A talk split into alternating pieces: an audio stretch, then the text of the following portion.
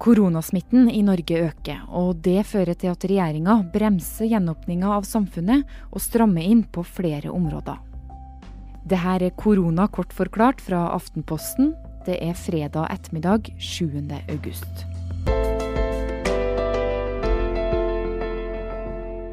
Når bestemor kommer gledesstrålende mot deg med åpne armer. Det går sikkert bra denne ene gangen, tenker du. Helse- og omsorgsminister Bent Høie kom med en ordentlig pekefinger på pressekonferansen i dag. Smitten har økt fordi mange av oss har reist mer og møtt flere.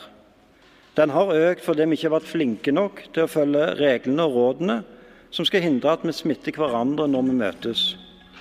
Smittesporingsarbeidet har blitt vanskeligere og mer tidkrevende fordi flere enn anbefalt har vært i sammen og fordi vi møtes på flere steder.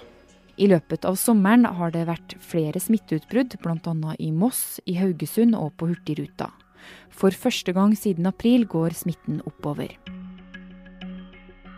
Mye av smitten har kommet fra utenfor Norge, så nå fraråder regjeringa reiser til utlandet som ikke er nødvendig. Både til grønne og røde land. Og reisende fra røde land må ha på munnbind til de har kommet dit de skal være i karantene. I tillegg er det flere deler av gjenåpninga som ikke blir noe av. Det kommer ikke til å bli lov med arrangementer på over 200 mennesker, og private fester får ikke være mer enn 20 personer. Og alle må fortsatt holde en meters avstand. Heller ikke utesteder får servere alkohol etter midnatt. Fortsatt anbefaler regjeringa hjemmekontor og ber folk unngå kollektivreiser i rushtida. Vi oppfordrer alle som har mulighet til å gå eller å sykle til jobb eller skole. Vi oppfordrer alle arbeidsgivere om å legge til rette for at halvparten så mange bruker kollektivtransporten som vanlig i rushtiden. I dag ble det klart at konserndirektør for maritime operasjoner i Hurtigruten, Bent Martini, går av midlertidig mens selskapet blir etterforska av politiet. 41 ansatte og 21 passasjerer er smitta etter å ha reist med selskapet. Regjeringa varsler at det kan bli påbudt å bruke munnbind på kollektivtransport snart.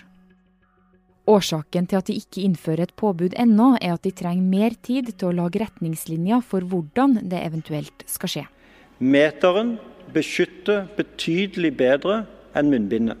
Men vi må ta inn over oss at det er situasjoner der det er vanskelig å holde på meteren.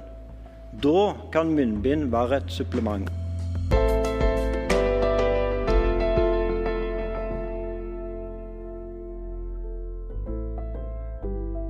Det her var korona kort forklart. Jeg heter Marit Eriksdatter Gjelland.